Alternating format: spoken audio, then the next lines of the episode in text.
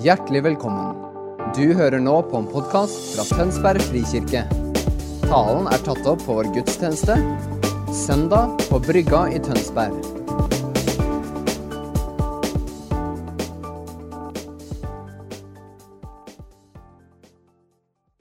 Dagens prekentekst er altså da en gammeltestamentlig, gammeltestamentlig profeti. Og de er litt eh, vanskelig å forstå innimellom. Og så hender det også at i disse profetiene så er det ting som Gud levendegjør for enkeltmennesker, også grupper som menigheter, som et ord til oss i dag. Og Da vil jeg først si det at et profetisk ord som du kan få, eller menigheter kan få, er ord fra Gud, eller gjerne fra fremtiden, eller fra Gud. Han er jo presens og alltid. Men det er et ord fra Gud som skal hjelpe deg i dag for å komme inn i det som er profetert. Som av og til har noe med fremtid å gjøre, men som også kan ha noe i dag å gjøre. Skjønte du det? Ord fra Gud som skal hjelpe deg til å respondere da, til å komme inn i den virkelighet ordet beskriver. Som oftest er profetiske ord løfter, ikke absolutter. Det er ikke ting som absolutt må skje. Noen av dem er det. Hvor Gud har bestemt at sånn er det bare. Samme hva dere mener, så blir det bare sånn. Men mange andre, og kanskje de fleste, så er ord fra Gud, eller profetiske ord fra Gud, noe som kan ses på som en invitasjon. Eller et tilbud. Og jeg tror det er svært mange av oss som på en måte ikke ser det på den måten, og derfor går vi også glipp av poenget. Og Så er det noen som kan gjerne ha en hel bok full av profetiske ord som du har fått, og så koser du deg over antall. Nå har jeg fått 652! Eller hvor mye det er. Eller 32, da. Eller to. Og så er det ikke mer spennende enn det. Istedenfor at du legger merke til hva ordet ville ta deg til. Altså, det er lurt å huske på Guds profetiske ord til deg og til menigheten, og respondere til dem, slik at vi kan få del i tilbudet.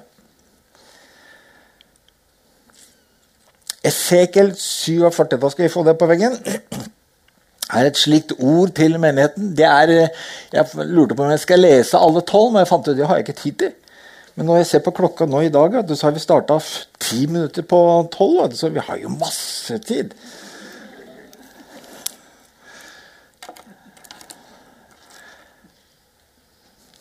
Men vi skal bare ta ut på en måte hovedpoengene. Vers 1 begynner Han førte meg tilbake til tempelinngangen, og se, vann strømmet ut under terskelen på østsiden av tempelet. Og Så beskriver han i versene videre hvordan vannmengden øker, altså fra vers 3 til 5. Det nådde meg til knærne. Og så nådde det meg til hoftene. Og så nådde det meg dit at jeg måtte legge på svøm. Altså en progresjon. Når du når deg til knærne eller anklene, så kan du vassere gå hvor du vil. Hoften er litt tyngre å gå hvor du vil. Når du må svømme, så går du ikke lenger hvor du vil, hvis det er en elv du er i. Da tar elven deg dit den vil. Og forstå nå at nå taler vi åndelig om Den hellige ånd. Vers 6. Han sa til meg, 'Ser du mennesket?' Så førte han meg tilbake til elvebredden. Og se, da jeg kom tilbake, var det en mengde trær langs elven på begge sider. Og Så beskrives det hva som skjedde der vannet rant. Der blir alt friskt, og alt blir levende. Høres det ut som et bra tilbud? Ta en liten kopp av det vannet, vet du, så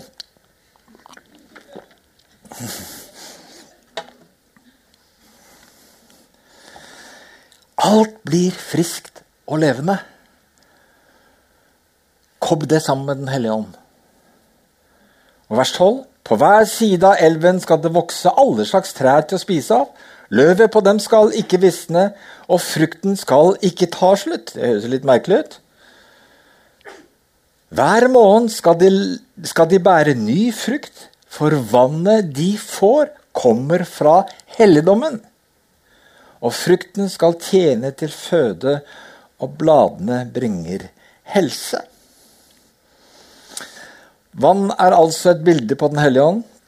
Og Dette er altså da en profeti som handler om Den hellige ånd. Den ånden som skulle komme fra tempelet eller Guds trone. Og det er som vann i en voksende elv. Den hellige ånd skal komme. Kommer fra Guds trone. Virker som vann i en elv. Da kan du få mange assosiasjoner på det. Styrken kan altså være forskjellig. Fra litt rundt ankelen til at du må legge på svøm. Og som jeg sa, da bærer den deg av sted dit den vil. Og så kommer et nøkkelord som jeg må si utenfor din kontroll. Og Legg merke til at det har også noe med Den hellige ånd å gjøre. Som regel kan du ha kontroll, men så av og til vil du ikke ha kontroll.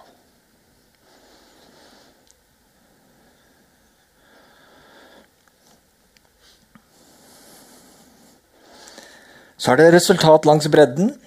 Det vokser trær som bærer frukt. Frukten bæres hele tiden fordi vannet da kommer fra helligdommen, altså Gud selv. Og ånden skaper de åndelige resultatene i oss hele tiden. Det er altså et tilbud fra Gud at vekst i ditt liv kommer fra himmelens trone. Og det bringer ikke bare en sånn høst eller frukt en gang i året på høsten, men hele tiden. Dette sier veldig mye om kristenliv i Nytestamentet. Jeg har for mye her på øret. Jeg har en sånn høreapparat, og så har jeg briller, og så har jeg denne mikrofonen, så den detter litt av. Da går den skei. Jeg skal prøve å holde den på plass. Det er lurt å skjønne forskjellen på det vi kaller det religiøse. Og det religiøse handler om hvordan det naturlige mennesker tenker seg dette med Gud fungerer. Forskjellen på det og hvordan Guds rike virker. Og det er ikke det samme. Og det har ikke alle fått med seg. Menneskelige tanker lager fort systemer, regler og bud for å hjelpe mennesket til å leve slik Gud skal, vil at vi skal leve. Men da setter også mennesket i sentrum. Og det er opp til hvor dyktig du er til å følge alle reglene og bud, til hvor på en måte akseptert du blir. Det kalles åndelig religiøsitet. Guds rike, evangeliet derimot, har Gud og hans kraft som subjekt, og oss som objekt. Og Det er en vesentlig forskjell. Vi er altså objekter for hans virksomhet. Og det fører til forandring. Det blir snart gærne å se på meg og holde på med denne her. Der. Hva er så vårt forhold til Esekel 47 som menighet? Det er en historie på det som jeg skal fortelle. På 2000-tallet hadde vi noen bønnedamer som fungerte i det profetiske. Og En dag sa en av dem at hun hadde fått et ord til menigheten. Og Hun hadde sett for seg da et bilde. Så lette hun da på internett etter å få måte, finne det bildet tilbake. Og så plutselig fant hun det tok og printet det ut, og så kom hun hjem til meg. Har det her. Det er bildet som hun kom hjem til meg med. La det foran deg på Det kommer der snart. La det foran meg på, på bordet da vi satt i stuen. Bildet het 'River of God', altså Guds elv. som Esekiel 47 beskriver. Og mens jeg lå der og jeg så på det, så skjedde noe veldig rart. Plutselig så jeg vannet på bildet bevege seg. Og jeg, jeg følte Oi! Og jeg ble på en måte satt ut. Jeg måtte sette meg tilbake i, i sofaen. Og tenkte hva er det som foregår? Og det jeg skjønte, er at Gud prøver å nå å si noe til meg. Da kan vi få det på neste bilde. Der har du det. Det er altså da det er litt eh, en kuriositet ved det bildet som bare de som var i gamlekirka, kan eh, være med på. Men så forklare det. At når jeg viste det til menigheten i gamlekirka, så var det mange som sa 'Se!' Og da ser du, hvis denne her eh, der virker Der, ja. Da ser du en, en slags bue her. Og stolpe ned sånn. Og der. Alteret i gamlekirka liksom, sto her så var disse buene var liksom over rundt. Så hang den Jesus, oppstanden Jesus midt på veggen der. Så sa han, Det ligner jo litt på gamlekirka vår. Men så var det noen som var riktig gamle der, som har kommet til menigheten før jeg kom dit. De sa at det er noe annet veldig morsomt spennende. Bak, under den duen på gamleveggen som var malt i fiolett, så er det der var det i gamle dager malt en due som var blitt overmalt. Og da, hvis du har litt sans for det profetiske, så var det altså en due i menigheten som var overmalt, som nå skulle komme til syne.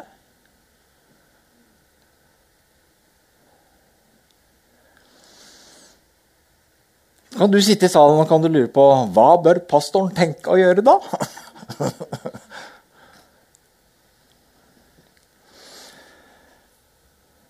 Hva ønsker Gud å si til oss? Jeg tror at vi kan si det slik. Det er en invitasjon om at Guds ånds nærvær skal virke i menigheten. Og fornye og levendegjøre oss til et kristenliv som bærer frukt. Ikke eget strev, men bærer en åndelig frukt. Altså forandringer i våre liv ved at Ånden virker i oss. Og det var da en bekreftelse for meg for hva Gud tidligere hadde sagt om hva som var det grunnleggende i menighetsliv. Og da skal dere få neste bilde. Det har egentlig vært en hel preken, det som jeg kommer til å si nå på liksom noen få minutter. Det var altså da en tale og et vitnesbyrd fra en kar som heter Daniel House. Ukjent for de fleste. Og det som man kan si om han, var at han skulle bli pastor i en menighet. Og så møtte han veggen. Ingenting funket av det han prøvde. Det var som å prøve å ha en, en, en hage i, midt i en ørken. Det var liksom sånn, det, Ingenting virket. Og han ble helt desperat og ropte til Gud. 'Gud, du har kalt meg til å være pastor i denne menigheten.' Så jeg, 'Ingenting virker! Hjelp!' Ikke sant? Så holdt han på det en liten stund, og så svarte Gud han. Og det Gud svarte han da, var at hvis du slutter å gjøre ting på din måte, så vil jeg gjøre det på min. Tror du det høres ut som et bra tilbud? Og så sa han, OK, Gud, hva er din måte? Og Da kan jeg tenke meg at Gud sa ja, bare venta på at du skulle spørre om det.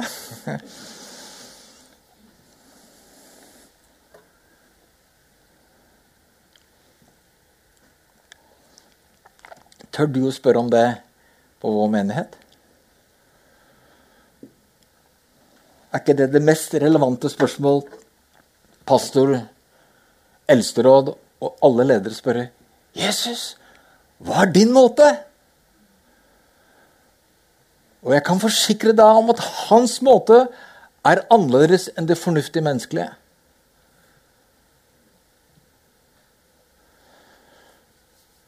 Kort det han Daniel da fikk reise med Gud, og Gud tok han først til Mosebok tok, Brukte Moses som et eksempel i 2. Mosebok 33.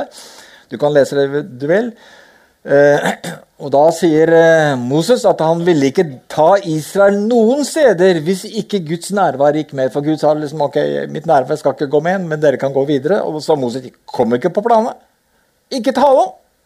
Uten ditt nærvær beveger meg ikke. Ok.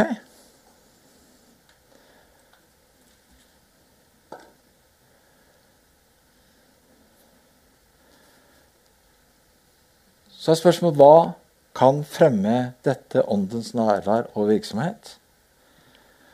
Bønn og tilbedelse i ånd og sannhet. Og Daniel ble tatt gjennom en, da, en reise i, fra den vanlige på en måte sang i menigheten til hva tilbedelse handlet om. Og så har vi prøvd oss på den reisen her også. og Mange menigheter har prøvd å reise på den også så har jeg lagt merke til at som regel handler det da ikke om poenget. Hva bønn og tilbedelse til Gud er, men hvilke sanger vi liker. Og så kan vi bevare veldig mye spenninger om hva slags sanger vi liker. Type sang. Så kaller vi det lovsanger, nyere lovsanger og håper, vi vet ikke hva vi skal kalle det til slutt. Og så glemmer vi faktisk hva poenget med tilbedelse egentlig er. Nå vet jeg ikke om jeg greier å si det på et halvt minutt eller ett minutt. La meg prøve å illustrere et bilde. Hvis Jesus Kristus står her, og han kommer til syne, slik at jeg ser han Hvordan vil jeg reagere?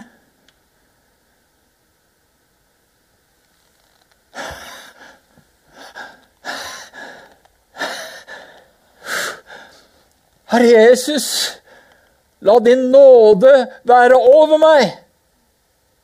Så vil han svare, jeg har plassert deg i min nåde. Herre Jesus, hjelp meg! Jeg vil hjelpe deg. Nøkkelen og kjernen i tilbedelse, det vi snakker om, er fokus på Gud og overgivelsen til det, hva han kan gi. Vi kan generelt si at alt det du fokuserer på og tilber, preger deg. Problemet er at vi ser på altfor mye annet enn Gud. Derfor preger, preger alt det andre oss mer enn Gud. Så hold på å si syng hva du vil, men knel for ham. Si at du tar imot Hans nåde og tar imot Hans hjelp.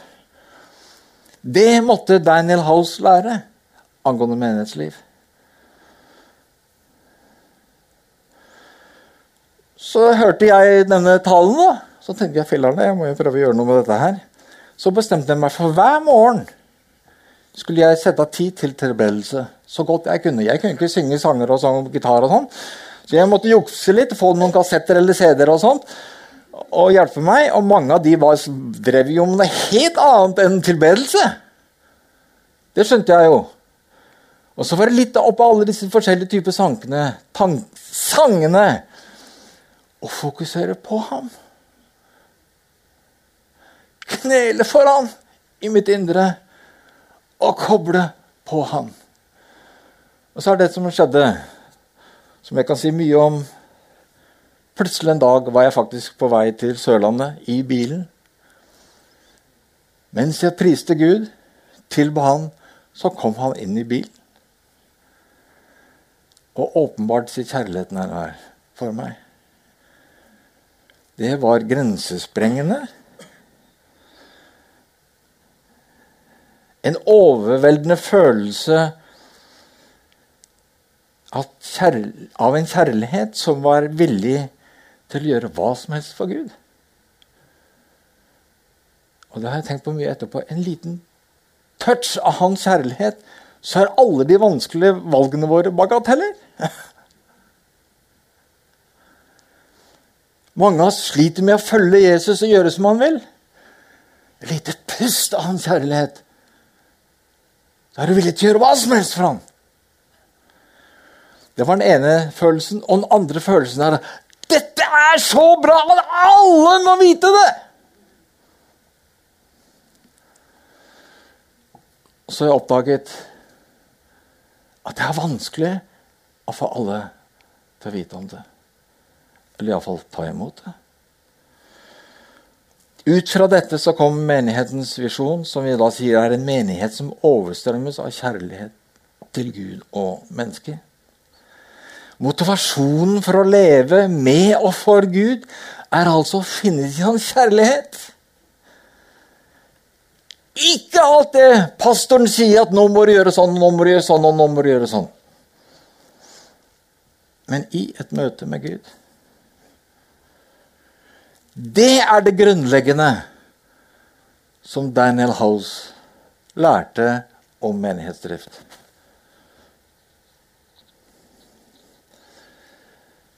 Neste bilde. Guds nærvær, Guds ansikt, åndens nærvær. Hva handler det om?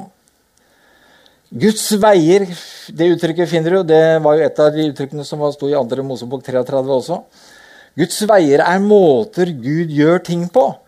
Og som han sa, er ikke det det samme som det naturlige menneskelige. Åndens virksomhet er i sitt vesen utfordrende mot menneskelig religiøsitet altså våre menneskelige metoder, vil Den hellige ånd utfordre. For vi må over et annet spor. Vi må over et annet kilde, om du vil. Religiøsitet kan vi si er menneskelig forsøk på å leve med Gud uten hjelp av Den hellige ånd. Den hellige ånd vil naturlig oppleves som skummel i sitt vesen for det helt grunnleggende er at Den hellige ånd vil utfordre hvem som har kontroll. Vil du følge Jesus, eller vil du følge deg selv? Og Jesus på si Ånden vil sette Jesus i sentrum. Og hvis ikke Jesus er i sentrum i ditt liv, så blir det gnisninger.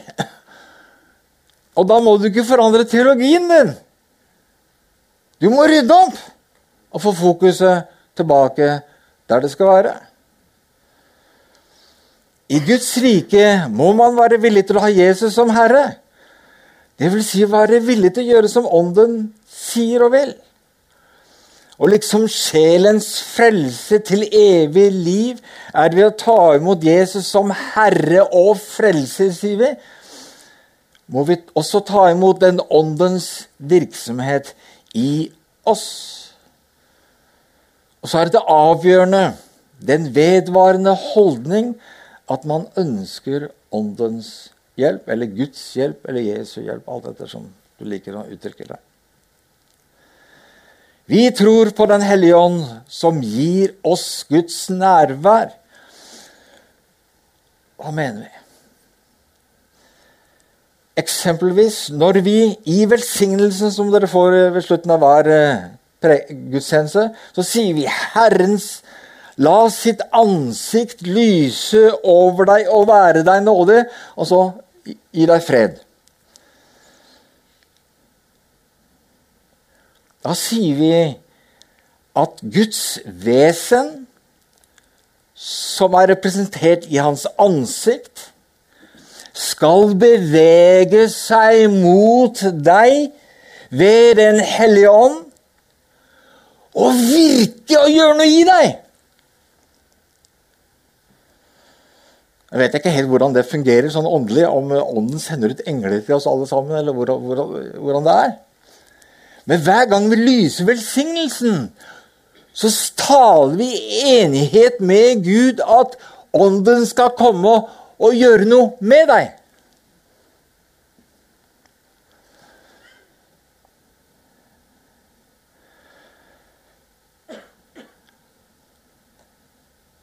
Nå er det slik at eh, mange forbinder åndens nærvær som noe skummelt og rart. Og det er nok eh, fordi da tenker vi på de synlige effektene eller kroppslige reaksjoner på et åndens nærvær. Og så tror jeg at det er viktig at vi bør skille åndens virksomhet i oss fra våre eventuelle kroppslige reaksjoner på hans nærvær. Det kan være fint å ha følelsesmessige opplevelser av Gud. Kjenner kribler litt og sånn. Men de sier veldig lite om hva Ånden virker i oss. Så hvis målet ditt er å få forbønn for at du skal føle et eller annet, da er du egentlig på et sidespor. Det kan være kjekt og greit, men det handler ikke om åndens virksomhet til frukt og forandring i ditt liv.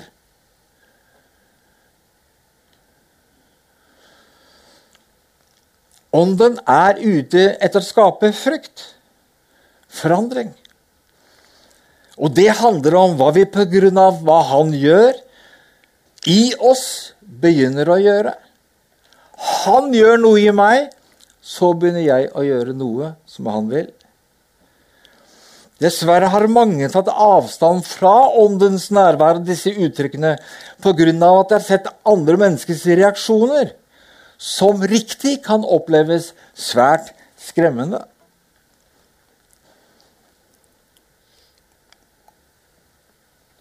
Det er folk som har sluttet i denne menigheten fordi de har opplevd av og til åndens nærvær skremmende. Jeg, forlater, jeg skjønner at det da på en måte er sunt for dem å dra et annet sted.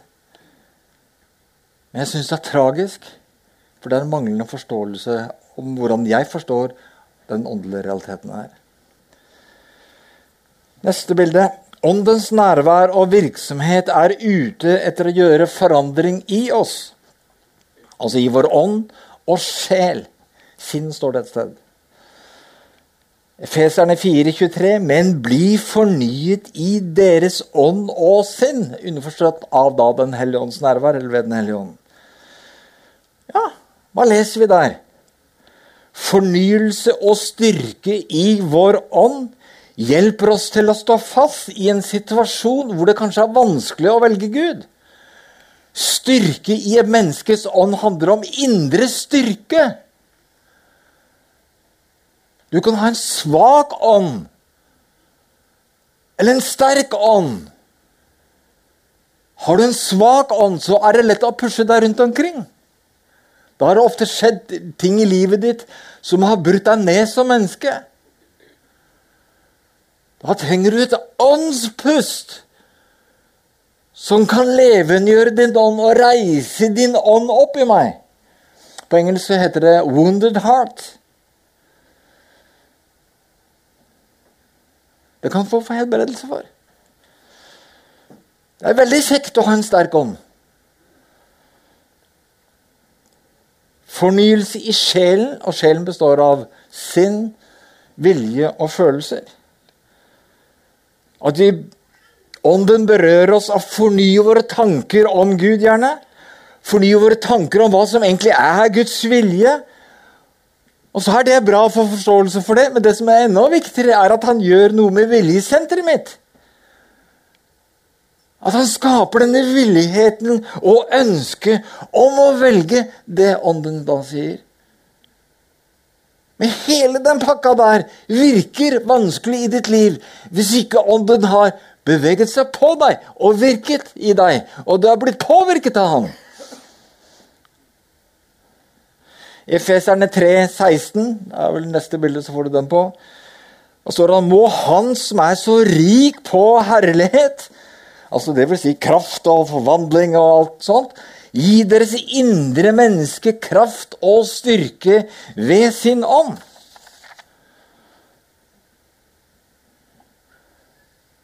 Han kan gi deg kraft og styrke som du ikke kan få til uten ved Den hellige ånds hjelp. Da vil jeg be dere om tilgivelse, for nå har jeg prekt i 31 minutter. Jeg har ikke tenkt å omvende meg.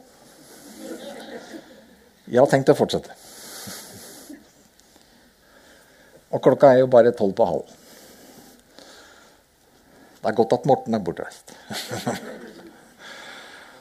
Jeg skal prøve. Eh, det blir mye lenger når jeg blir inspirert til å si litt mer enn det jeg egentlig har tenkt å si.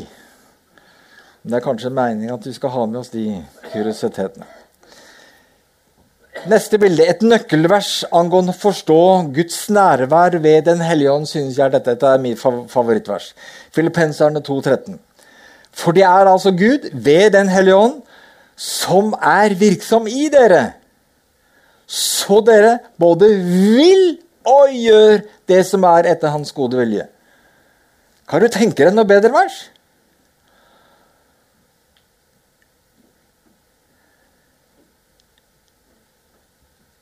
For det er Gud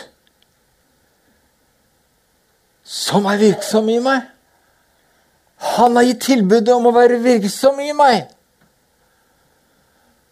Han har forløst Den hellige ånd ikke bare rundt meg, men i mitt hjerte, i min ånd. For at han skal ikke bare kose seg der nede, ha en vimpel og si her, hallo og sånn, men ha en virksomhet i meg som går inn i min åndsliv og går inn i mitt sjelsliv, som resulterer i hva jeg gjør i legemet.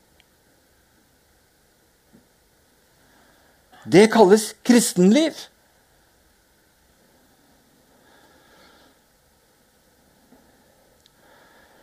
Og så er denne kraften da, som er frigjort i oss, den er jo kjempestor! Det leser vi i Efeserne 1, 19, 20, neste vers. Neste bilde, mener jeg. Og Der står det hvor overveldende hans kraft er hos oss som tror. Med denne veldige makt og styrke reiste han Kristus opp fra de døde og satte han ved sin høyre hånd i himmelen. Altså, Jesus var i dødsriket. Så kom Den hellige ånd, løftet han ut av dødsriket. Alle dødsrikets krefter ble brutt. Alt det djevelen hylte og skreip, alle demonene skreik, hjalp ingenting. Ånden førte Jesus opp, helt opp i himmelen. Den kraft som er større enn du kan fatte. Det overveldende betyr at det er mer enn du kan forestille deg. Den er plassert i ditt indre.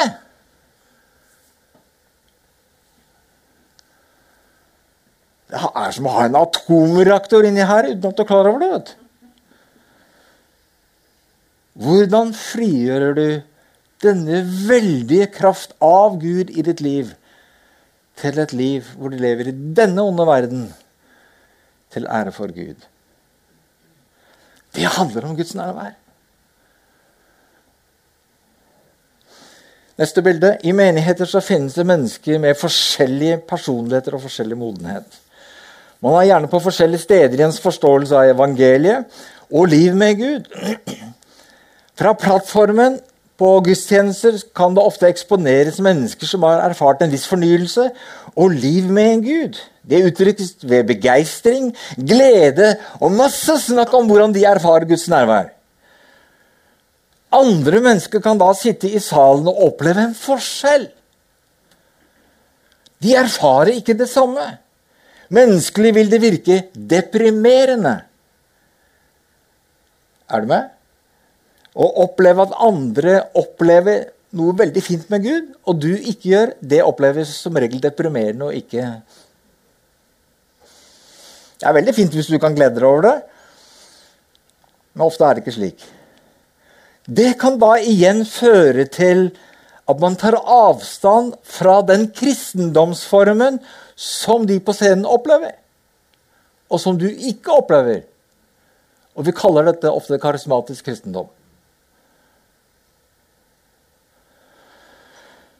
Hva er det som skjer? Og dette kan være langt mer komplekst enn det jeg nå sier. Men en enkel forklaring er et av evangelieprinsippene. Du skal ikke kopiere andres gjerninger, eller opplevelser for den saks skyld, som, er, som er et resultat av deres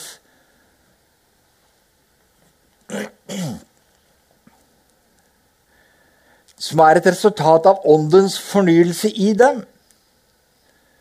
Kopier heller deres tro og søken. Paulus sier det i et av brevene sine. Ikke kopier mine gjerninger, men kopier min tro. Den, vi krasjer når vi begynner å kopiere hverandre. og sette hverandre som mål til hva vi skal erfare. Men vår tro og overgivelse og søken etter Gud kan vi bli inspirert av å følge etter. Og så er det slik at når du har din tro og din søken, så vil Gud vise deg noe og gjøre noe i ditt liv. Og er tro mot det, og ikke mot det andre skal være tro mot. Da slipper vi å ha den på en måte A, B og C og D-lag. Det frustrerende likevel med all vekst slik, er at det er ikke noe quick fix som de fleste av oss ønsker. Og Derfor går vi lett over sånne menneskelige greier at gjør du trinn 1, 2 og 3, så blir det sånn og sånn. Gud er ute etter vår hjertesrelasjon. En overgivelse til ham og derved en tro på hva han kan gjøre på den måten han velger å gjøre, og når han velger å gjøre det. Han ønsker at vi skal ha troen rettet mot ham når alt er bra, og også når han tillater at det går gjennom vanskelige eller mørke daler hvor det virker som om han er fraværende. Altså en tro og overgivelse til ham og hans virksomhet, åndens nærvær, uansett hva vi føler og opplever. Så er det også heldigvis slik neste bilde at vi ikke skal være for oss selv, vi er Kristi legeme. Vi er Guds menighet. Guds ånds virksomhet og nærvær iblant oss avhenger ikke bare av meg selv eller deg. For det vi sier, vi sier 'vi tror'. Det er altså et fellesskap. Andre kan ut fra der de er og de gaver de har, fremme et Guds nærvær i f.eks. denne salen. Slik at når jeg er iblant de andre, så kan den ånd som de på en måte har fremmet, også virke i meg. Høres ikke det bra ut? Her kan folk ha vært i bønn og ropt til Gud og kalt på Guds nærvær, og så kommer jeg vet du, har hatt et skikkelig pyton hele uka. vet du, er deprimert, slåss med kona og ungene, og alt som bare kommer inn der og har lyst til å grine eller lyst til å gå hjem. Så kommer jeg, kan jeg sette meg ned og si, kom Hellige så får jeg en del i det. De jeg ikke har søkt, de jeg ikke har bedt om, er et nådes nærvær som dekkes for alle. Fordi vi tror. Det avgjørende er at jeg ikke blir støtt av det de opplever, de andre opplever. Om det så er fremmed for meg, eller om det er ut fra misunnelse. Guds rikes vesen er at kjærligheten må det gis frihet. Gud vil prøve våre holdninger i forhold til evangeliet, om vi er villige til å gi frihet eller rom for andre som opplever ting med Gud. Om det så er aldri så merkelig for oss. For åndens nærvær og virksomhet blant oss hemmes når vi må ha kontroll eller støtes av det andre opplever. Da gjør vi det som står i Efeserne 4.30, at vi gjør Den hellige ånds sorg, og hans nærvær trekker seg tilbake. At hans nærvær trekker seg tilbake, betyr at det er mindre hjelp fra nådens trone. Du er mer på egen hånd. Avslutning. Siste bilde. Nest siste bilde. Vi tror på Ånden som gir oss Guds nærvær. Guds nærvær eller Åndens virksomhet er Guds nådes hjelp til oss, både som enkeltindivider, i vår vandring med Gud, og på oss alle når vi samles som menighet. Styrken vil variere. Som regel en åndelig påvirkning som knapt merkes, men likevel styrker oss i vårt indre slik at det blir lettere å leve med Gud. Avgjørende er ikke hva du føler, men at du åpner deg for det Ånden prøver å gjøre i deg og i oss alle. Så er altså dette et tilbud til oss som menighet. Til oss som enkeltpersoner, men også som menighet. Og da er det spørsmålet, da. Vil vi?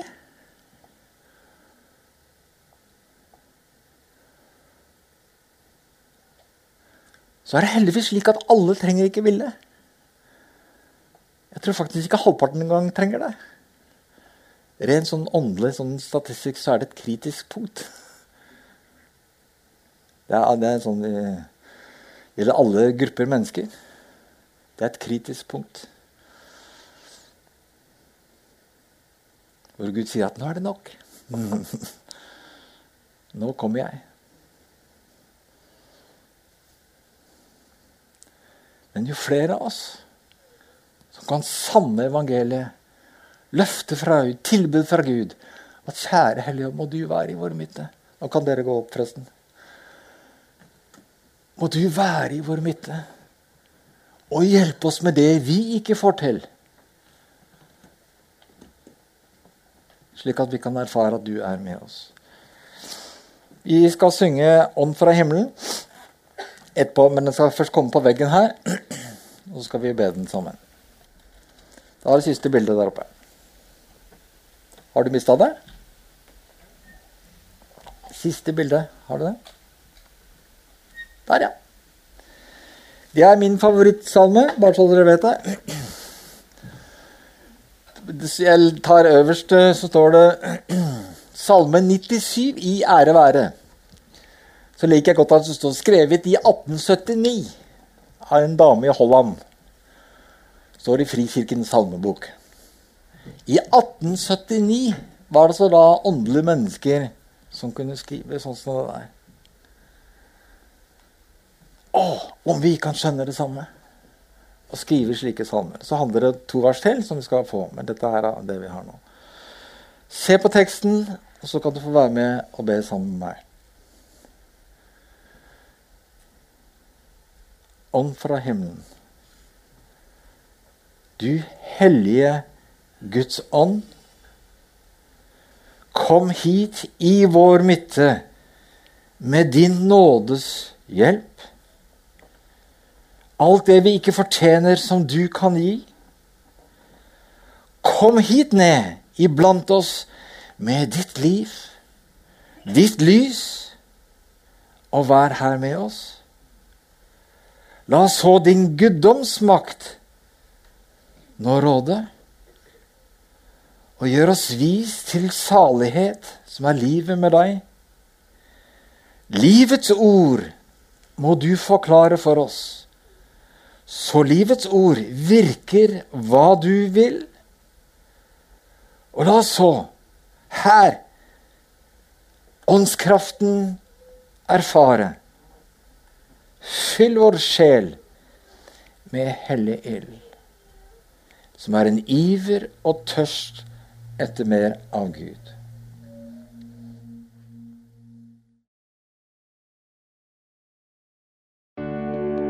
Takk for at du hørte på vår podkast. Har du spørsmål eller ønsker du å vite mer? Søk oss på vår nettside tonsbergfrikirke.no. Du er også velkommen til kirke på Brygga i Tønsberg.